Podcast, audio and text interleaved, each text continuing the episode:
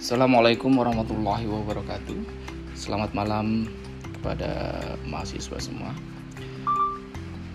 Pada pertemuan kali ini, pertemuan keempat ya, saya akan mencoba untuk menerangkan terkait dengan profit center. Ya, kalau kita lihat di uh, slide untuk yang mendengarkan melalui YouTube. Uh, anda dapat melihat melalui slide. Jadi sistem pengendalian manajemen untuk uh, outline pertemuan keempat kita akan membicarakan uh, mengenai pusat laba atau profit center. Pada pertemuan kali keempat kali ini pembahasannya terdiri dari empat uh, fokus. Yang pertama adalah pertimbangan umum membentuk pusat laba atau general consideration kemudian unit bisnis sebagai pusat laba, pusat laba lainnya, dan yang terakhir adalah mengukur profitabilitas. Baik, yang pertama kita akan menjelaskan definisi dari pusat laba. Apa sih sebenarnya pusat laba itu? Jadi pusat laba atau profit center adalah uh, jika kinerja keuangan sebuah pusat pertanggungjawaban responsibility centers diukur menurut laba, yaitu menurut perbedaan antara pendapatan dan biaya, maka kita katakan bahwa uh, unit kerja tersebut ada menggunakan pusat laba. Gitu. Jadi kita uh, pertemuan sebelumnya sudah membicarakan terkait dengan respons res responsibility center atau pusat pertanggungjawaban, pusat tanggung jawab.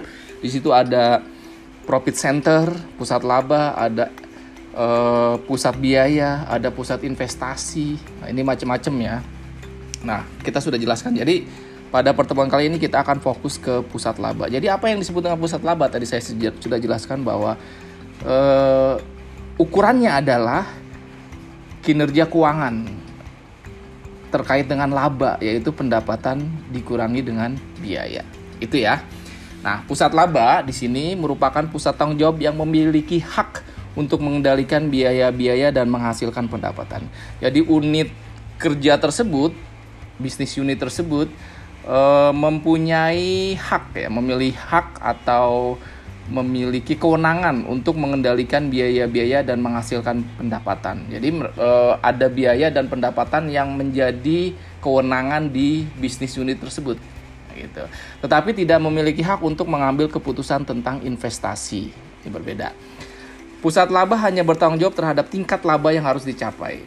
Kalau uh, salah satu bisnis unit sudah ditetapkan bahwa sebagai pusat laba, maka dia bertanggung jawab terhadap labanya.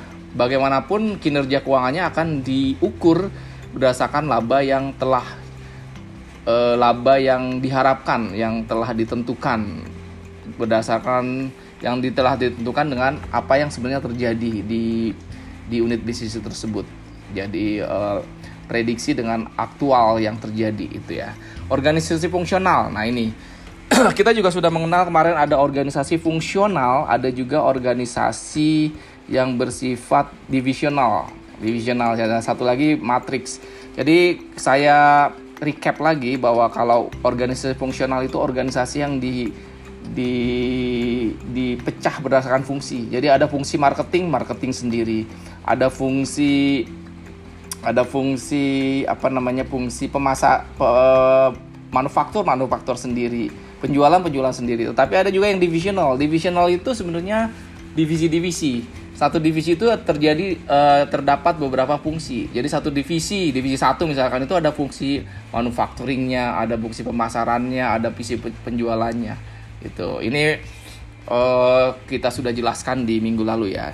Jadi organisasi fungsional kalau untuk uh, uh, organisasi fungsional fungsi produksi atau pemasaran utama dilakukan oleh unit organisasi yang terpisah. Nah, ini memang tidak bisa akhirnya kita jadikan pusat laba.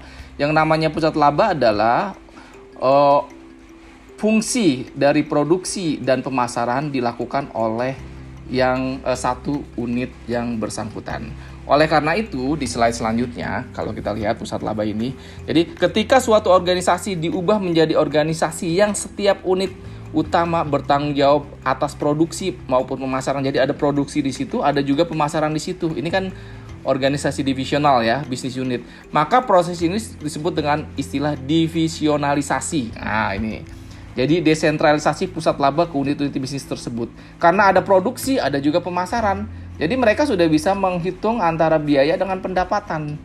Nah, jadi minimal kalau yang disebut dengan pusat laba itu mempunyai dua kewenangan ini, unit produksi dan unit pemasaran. Kalau hanya unit eh, pemasaran eh, penjualan gitu ya, nah ini kan harusnya cuma revenue center aja karena dia tidak bisa me mengontrol terhadap biaya. Begitu juga dengan produksi. Produksi itu biasanya cost center, expense center. Artinya dia cuma mengandalkan atas eh, biaya-biaya saja. Dia tidak uh, untuk menghasilkan pendapatan di luar kontrol unit tersebut. Itu tetapi yang dinamakan pusat uh, unit uh, pusat laba itu harus mempunyai kedua fungsi ini. Karena ya nanti pendapatan dikurangi biaya sama dengan laba. Jadi dia punya kontrol di produksi manufaktur dan satu lagi di pemasaran penjualan ini ada kontrol di situ sebagai aturan perusahaan membuat membuat unit-unit bisnis atau divisi-divisi ya karena mereka telah memutuskan untuk melipahkan wewenang yang lebih luas kepada manajer-manajer operasi. Betul. Jadi kalau di unit divisi perusahaan yang ada divisinya itu itu mereka punya kewenangan karena mereka bisa menentukan produksinya berapa, pemasarannya bagaimana, itu ya. jadi semacam bisnis-bisnis independen sebenarnya unit itu bisnis independen sehingga mereka bisa menentukan laba masing-masing di divisinya uh, di unit-unit bisnis independen tersebut. Beda dengan organisasi fungsional. Kalau fungsional itu berdasarkan fungsinya. Jadi divisi uh, unit satu adalah unit pemasaran aja, penjualan saja. Nah, ini ini mereka berarti hmm, tidak punya kewenangan yang lebih. Uh, jadi kewenangannya hanya fungsi-fungsi tertentu saja. Meskipun tingkat pelimpahan wewenang tersebut berbeda dari perusahaan yang satu perusahaan lain, tetapi untuk wewenang yang lengkap ya, komplit untuk menghasilkan laba secara umum ini tidak dilimpahkan ke satu segmen tunggal dalam satu bisnis. Jadi unit-unit laba itu, pusat laba itu bisa dipecah-pecah ke beberapa divisi. Nah, contohnya ya, kalau kita bahas eh, misalkan di di Garuda ya, Garuda lah yang paling gampang. Garuda itu nanti ada unit bisnis eh, maintenance. Nah, itu pusat laba tuh bisnis unit mungkin nanti penjualan tiket bukan penjualan tiket ya tadi maintenance maintenance kemudian bisnis kargo itu kan beda sendiri. Mereka punya punya pusat laba sendiri. Maintenance jadi kalau ada pesawat-pesawat yang ingin di maintenance mau di maintain oleh Garuda mereka harus bayar. Jadi mereka juga bisa unit bisnis uh, maintenance itu punya pendapatan juga dan juga punya biaya sendiri. Nanti menghasilkan laba. Jadi tolak ukur kinerjanya adalah laba itu. Nah unit bisnis catering juga bisa nanti. Mereka punya pelanggan juga mungkin nggak hanya Garuda, Batik akan menggunakan jasanya. Ini unit bisnis sendiri. Terus unit bisnis apa lagi kargo tadi kan? Nah, mereka juga punya pelanggan dari Tiki, dari JNE dan sebagainya. Ini ya yang disebut dengan pusat laba. Jadi memang seperti unit-unit independen. Ya, gitu. Oke, nah ini ini di slide selanjutnya ada manajemen kas. Jadi kalau kita contohkan seperti ini, manajemen atas ya, mohon maaf bukan kas, manajemen atas dua nih, manufaktur dan pemasaran. Manufaktur ada produk A, ada produk B. Pemasaran ada produk A, produk B. Jadi kalau eh, di atas yang garis garis putus-putus ini, ini masih mengandalkan unit eh, fungsional. Jadi organisasi yang dipecah menjadi eh, unit-unit fungsional jadi fungsinya manufaktur dia divisi sendiri. Unitnya pemasaran dia divisi sendiri. Walaupun produknya juga ada dua gitu. Nah kalau untuk pusat laba, pusat laba dia yang uh, organisasi yang sifatnya divisi. Jadi divisi, jadi pendelegasian otoritas kepada manajer divisi. Jadi misalkan tadi manajer unit, manajer unit 1, manajer unit 2 ini ada produk A, produk produk A semua ya. Jadi manajer unit ini ada produk A semua. Di manajer unit produk A itu ada manufaktur dan pemasarannya. Gitu. Jadi produk A itu uh, di di bawah satu di bawah satu kendali manajer unit itu bisa nanti berbagai macam fungsi di situ. Misalkan ada fungsi tadi pemak, uh, manufaktur, pemasaran, penjualan. Minimal kalau pusat laba itu harus ada produksi atau manufaktur dan pemasaran. Dua ini harus ada nih di pusat laba. Jadi organisasi bisnis unit yang punya pusat laba harus punya dua fungsi ini minimal ya. Nah, mungkin nanti ada lagi di situ pengiriman gitu ya dan sebagainya. Tuh. Oke, ya, ini jelas ya. Jadi delegasinya memang di manajer unit ini lebih luas, lebih independen dibanding tadi yang fungsional. Nah, kondisi-kondisi dalam mendelegasikan tanggung jawab.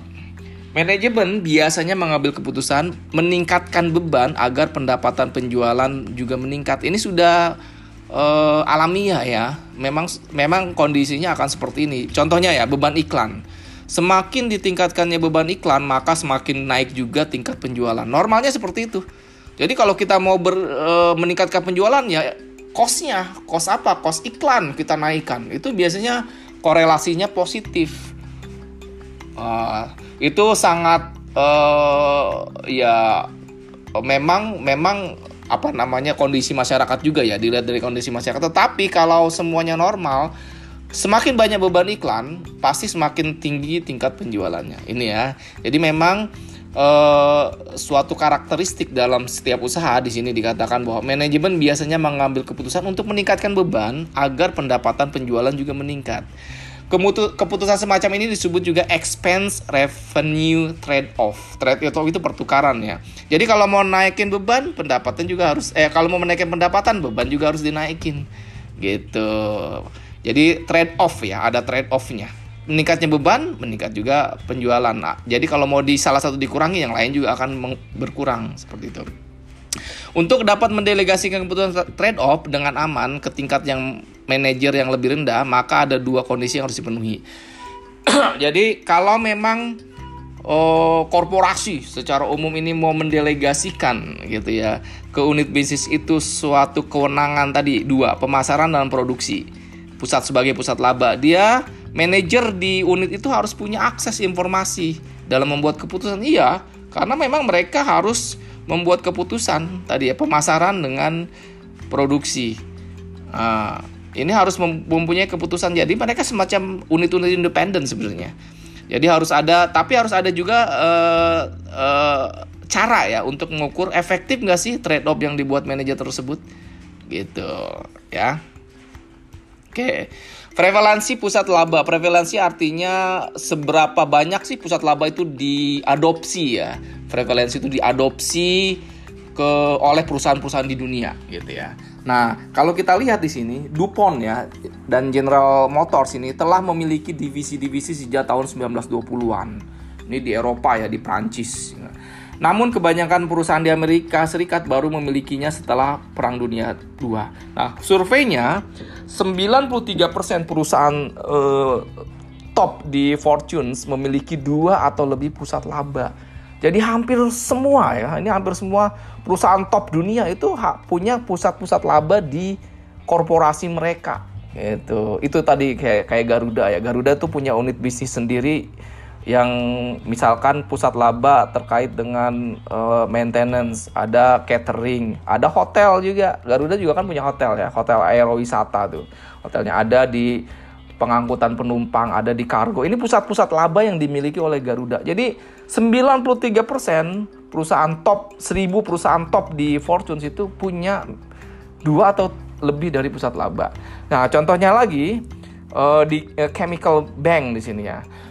Jadi dia mengadopsi konsep uh, profit uh, pusat laba ya, profit center dan menghapuskan program yang tidak menguntungkan Student Plus dengan mengukur profitabilitas cabang bank secara lebih akurat. Jadi dengan adanya pusat laba pusat laba sendiri ada beberapa program yang kelihatan tidak menguntungkan ya di di di apa namanya dibubarkan saja, dilikuidasi gitu. Contohnya ini Student Plus, Student Plus ya. Di sini Student Plus ini pusat laba tersendiri. Jadi ada manajer unit yang meng, uh, yang me, apa namanya mengelola Student Plus ini.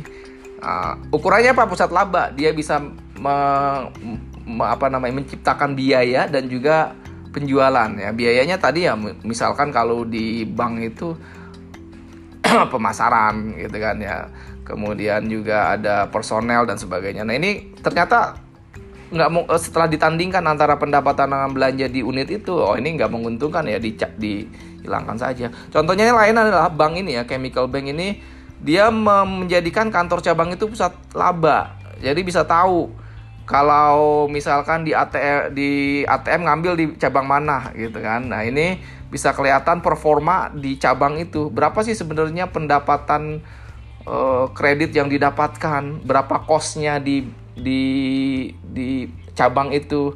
Semakin dia efisien labanya semakin tinggi. Kalau kosnya sedikit kan pendapatannya banyak makin tinggi. Nah ini berarti ini uh, profit center yang baik nih di di cabang ini. Jadi bisa kelihatan cabang-cabang yang nggak bagus ya ditutup aja gitu. Itu keuntungannya pusat pusat laba ya Contohnya ya ini novel perusahaan yang lain ya bisa mengidentifikasi dan menghapus beberapa bisnis yang tidak menguntungkan tadi.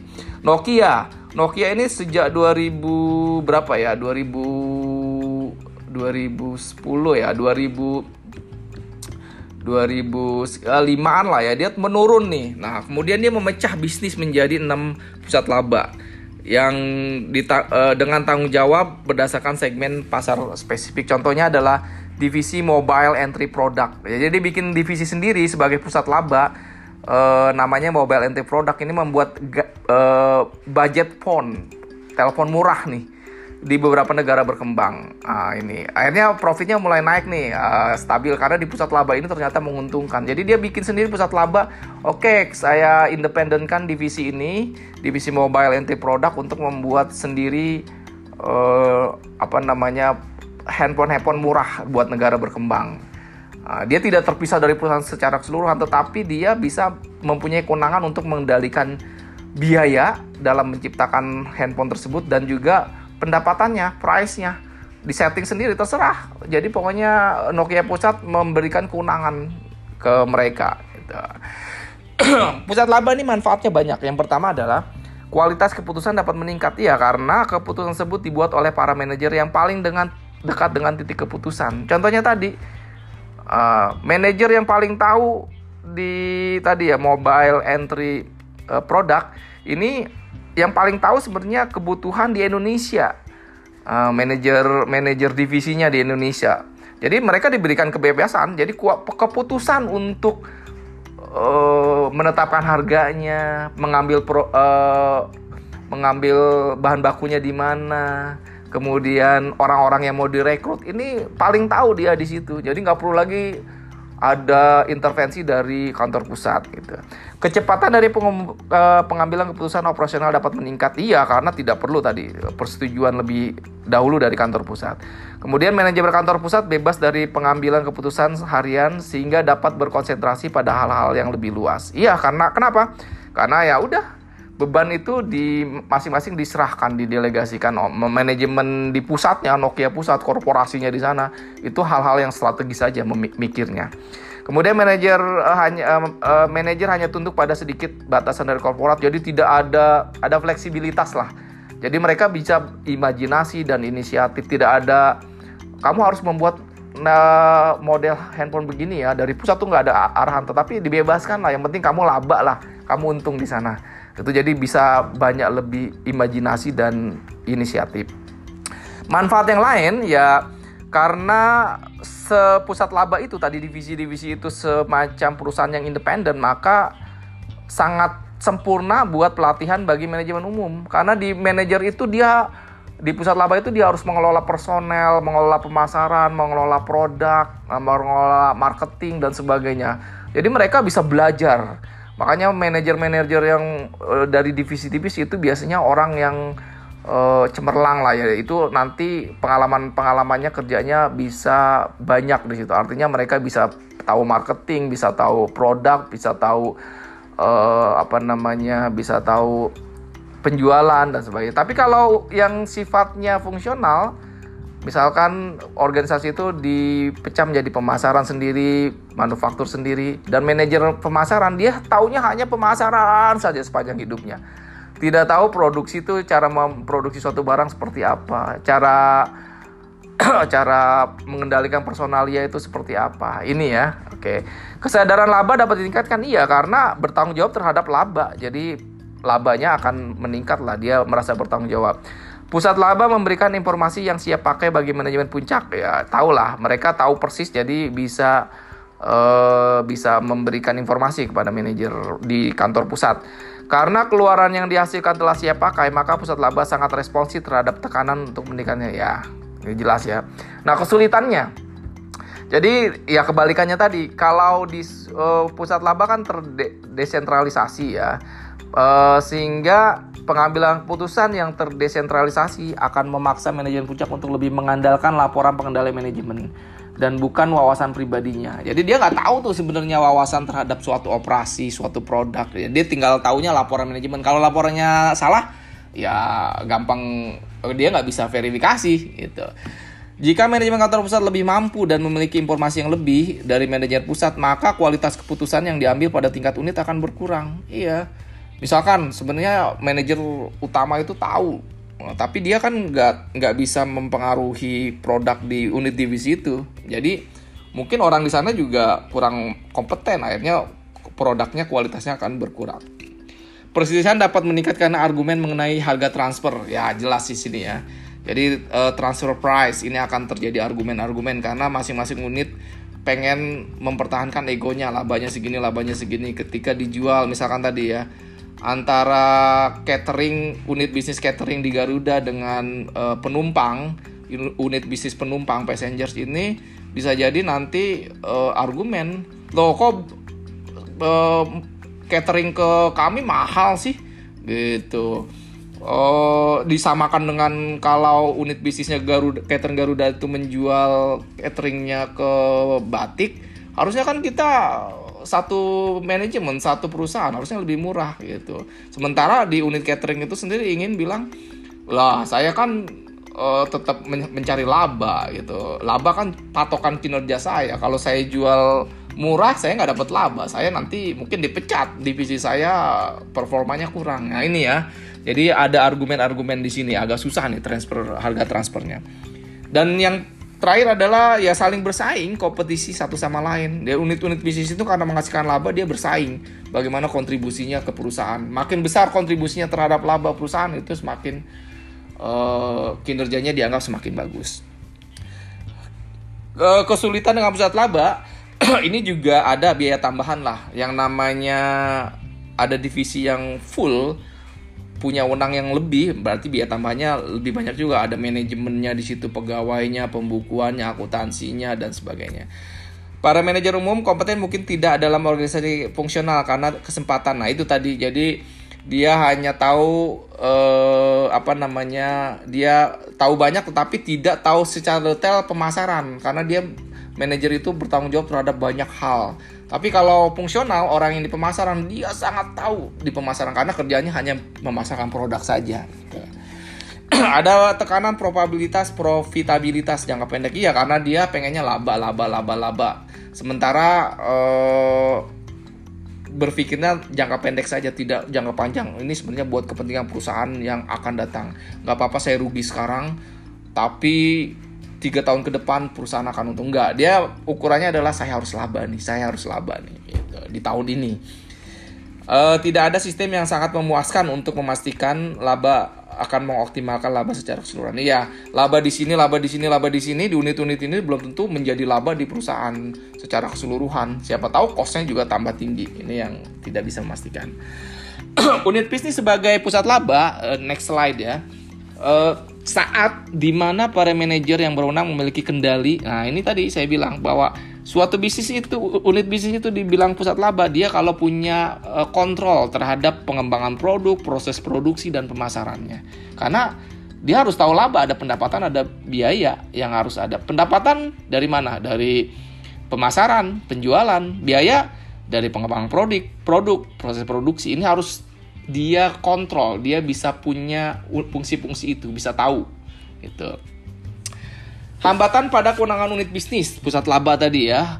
Salah satu masalah utama adalah eh, terjadi ketika suatu unit bisnis harus berusaha dengan unit bisnis lain. Ini ini yang tadi saya bilang ada argumen-argumen. Ini hambatannya ya.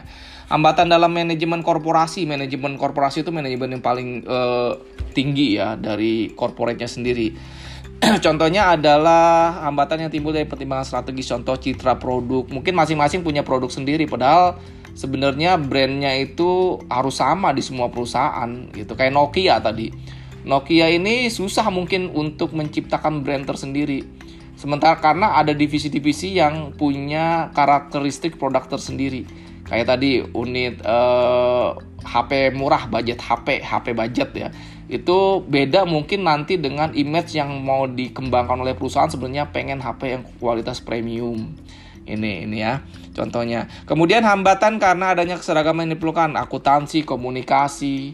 Karena akuntansinya bisa beda-beda nanti padahal harus seragam itu hambatan dari sisi ekonomis dengan adanya desentralisasi. Sentralisasi lebih murah.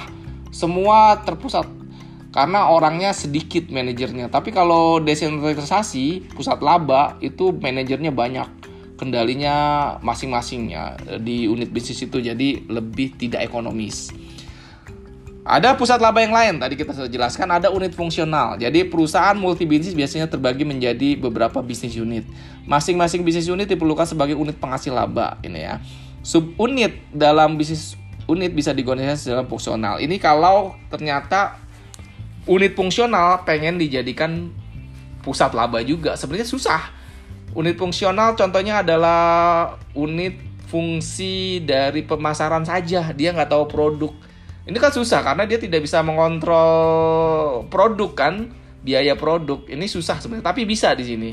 Asalkan nanti subunit itu bisa ada penghasil laba eh, apa namanya? Ada juga kosnya di sini. Subunit dalam BU bisa diorganisasi secara fungsional.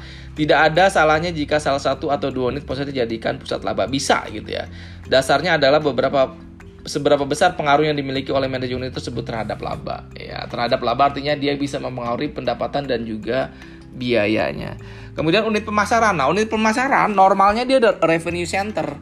Mau memasarkan berarti dia harus ukurannya revenue, pendapatan Uh, kalau unit pemasaran itu eh kalau pendapatannya kecil berarti unit pemasarannya bermasalah nih. Dia kinerjanya kurang. Jadi ukurannya adalah revenue karena dia hanya bisa mengandalkan mengendalikan revenue. Tapi bisa juga itu dirubah menjadi profit profit uh, pusat laba. Uh, caranya adalah dengan cara membebankannya dengan biaya barang terjual. Jadi biaya barang terjual itu dibebankan di unit pemasaran juga. Uh, ada salah satu biaya barang dijual itu menjadi tanggung jawabnya unit pemasaran. Nah, ini baru bisa nih dia dijadikan pusat laba. Nah, ini selanjutnya harga transfer dibebankan sebagai biaya standar. Kemudian juga diberlakukan sebagai pusat laba jika pembagian pemasaran ada dalam posisi membuat trade off. Trade off artinya bisa e, mengatur pendapatannya berapa, biayanya berapa gitu ya. E, jika terjadi kondisi berbeda pada area geografis yang berbeda. Nah, contohnya di luar negeri karena unit pemasaran ada di luar negeri tapi dia juga punya kendali terhadap biaya. Nah, ini bisa dijadikan pusat laba. Unit pemakturan nah, ini produksi ya. Biasanya adalah pusat biaya karena dia hanya bertanggung jawab terhadap biaya produk. Dia nggak memasarkan dia tidak menjual. Nah, tetapi bisa juga nanti dijadikan pusat laba Uh, kelemahannya kalau seperti itu adalah manajer bisa mengorbankan kualitas demi cost standar, demi biaya standar ya. Manajer menolak menyela uh, schedule produksi untuk menghasilkan pesanan yang mendesak untuk mengakomodasi seorang pelanggan. Jadi dia terlibat juga terhadap penjualan produk itu. Itu ya. Karena pusat laba dia nggak hanya memproduksi biaya-biaya yang dikeluarkan tapi juga bertanggung jawab terhadap laku nggak nih produk ini. Uh, berapa bukan laku berapa besar gitu ya diserap pasar berapa besar penjualannya. Ya ini contohnya ya jadi dia mengorbankan uh, karena pengen laku cepet laku ya yang penting uh, murah harga murah gitu ya. Kemudian juga uh, manajer akan kehilangan insentif untuk produksi produk uh, memproduksi produk yang sulit untuk diproduksi. Apa susah nih dijualnya nanti. Kalau dijualnya susah kita uh, bertanggung jawab terhadap pendapatan juga nih. Wah nggak usah dijual lah gitu. Yang penting gampang-gampang laku aja. Nah ini kalau dia dijadikan pusat laba. Makanya pemakturan itu uh, apa namanya unit produksi itu lebih cocok memang di unit biaya. Dia bertanggung jawab terhadap biaya saja. Biayanya bisa ditekan dia udah berhasil. Kalau biayanya ditekan kinerjanya udah oke okay, misalkan seperti itu. Solusinya adalah ini bisa bisa dijadikan pusat laba berikan kredit atas penjualan dikurangi dengan biaya pemasaran estimasi. Ya, walaupun dia sebenarnya tidak bisa mengontrol 100% ya, tapi bisa lah seperti ini. Ya, oke. Okay. Unit layanan dan dukungan. ya, contohnya adalah pemeliharaan TI, transportasi, perekayasaan, konsultasi. Pemeliharaan bisa nggak dijadikan pusat laba? Sebenarnya selama ini nggak harus ya normalnya, dia hanya cost center saja. Tetapi ya bisa jadi dia dijadikan pusat laba. Jadi dia bertanggung jawab juga terhadap pendapatan Nah, ini biasanya jadi termotivasi nih untuk mengendalikan biaya karena eh, pengaruhnya nanti kalau biayanya membengkak berarti labanya kecil, kinerja kita akan menurun. Nah, ini unit dukungan juga bisa dijadikan seperti itu. Ada ada uh, konsekuensi positifnya. Nah, sekarang yang terakhir ini ya, mengukur profitabilitas. Jadi tadi pusat laba kan profit. Jadi untuk mengukur kinerja di unit itu adalah profit yang dihasilkan. Semakin baik profitnya, labanya, berarti semakin baik unit kerja itu, uh, uh, pusat laba itu. Nah, itu contohnya adalah uh, ukurannya yang di dua ukuran di sini ya. Ukuran kinerja manajemen dengan ukuran kinerja ekonomis. Kalau ukuran kinerja ekonomis ya jelas uh, seberapa baik pusat laba sebagai entitas ekonomis, berapa labanya tadi. Kalau ukuran kinerja manajemen seberapa baik manajemen telah menjalankan tugasnya, direncanakan enggak, dikoordinasikan enggak ini. Ini ukuran profitabilitas.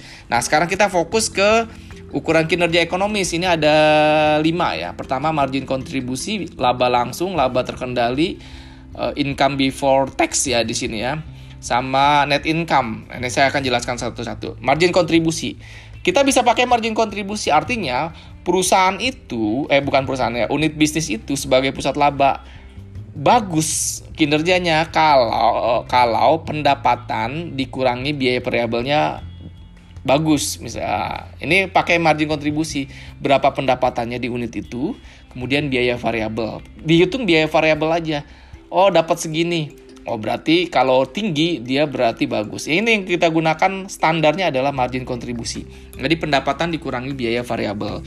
Argumennya karena apa? Karena biaya tetap tidak bisa dikendalikan manajer. Biaya tetap misalkan uh, biaya gedung sewa gedung. Sewa gedung itu kan kita dalam satu komplek tersendiri. Banyak unit manajer. Kita nggak bisa kendalikan di situ. Uh, tinggi ya semua tinggi. Kita nggak bisa kendalikan. Berarti bukan karena kinerja kita kalau biayanya meningkat. Tapi kalau biaya variabel biaya yang ada di situ. Ini paling tepat makanya sebenarnya pakai margin kontribusi. Ini argumennya. Argumen menolak ya tidak semua bagian dari biaya tetap yang tidak bisa tinggal manajer. Contohnya adalah tadi biaya oh mungkin biaya pemeliharaan gedung itu bisa jadi karena memang uh, biaya listrik lah ya. Biaya listrik karena memang pemakaian listriknya sedikit di unit itu. Itu jadi nggak semuanya memang biaya fix tapi ada beberapa biaya yang uh, fix itu yang bisa dikendalikan oleh manajer contohnya itu ya. Laba langsung. Laba langsung ini tadi margin kontribusi dikurangi biaya tetap. Jadi ada biaya tetap juga yang sebenarnya bagian dari yang bisa dikontrol oleh uh, unit bisnis itu tersebut. Ini ya, ini sama ya. Kemudian laba yang dikendalikan bisa dikendalikan. Laba langsung ini tadi namanya laba langsung ya, laba langsung. Laba kan pendapatan dikurangi biaya tetap plus biaya uh, biaya variabel gitu ya. Itu laba langsung ya. Laba yang bisa dikendalikan, nah ini laba langsung dikurangi beban korporasi yang bisa dikendalikan. Nah, ini biasanya beban korporasi secara umum ya, beban beban perusahaan secara umum ini yang bisa dikeluarkan eh, lah dari laba langsung itu. Ya. Kemudian laba sebelum pajak ini ya adalah laba yang bisa dikendalikan tadi dikurangi alokasi korporasi yang lain. Contoh, ini menolak nih banyak menolak karena manajemen tidak harusnya eh, dibebankan biaya yang tidak bisa ia kendalikan. Betul. Sukar untuk meng mengalokasikan layanan staf korporasi agar uh, dengan pantas mencerminkan biaya yang dibebankan kepada masing-masing PL. Ini argumen pendukungnya pembebanan biaya bisa membuat manajer terus memastikan bahwa biaya tersebut tidak terus naik ini ya. Nih, laba bersih. Laba bersih tahu lah ya, laba bersih. Net income ini. Argumen penolaknya, laba setelah pajak adalah presentasi konstan dari laba sebelum pajak.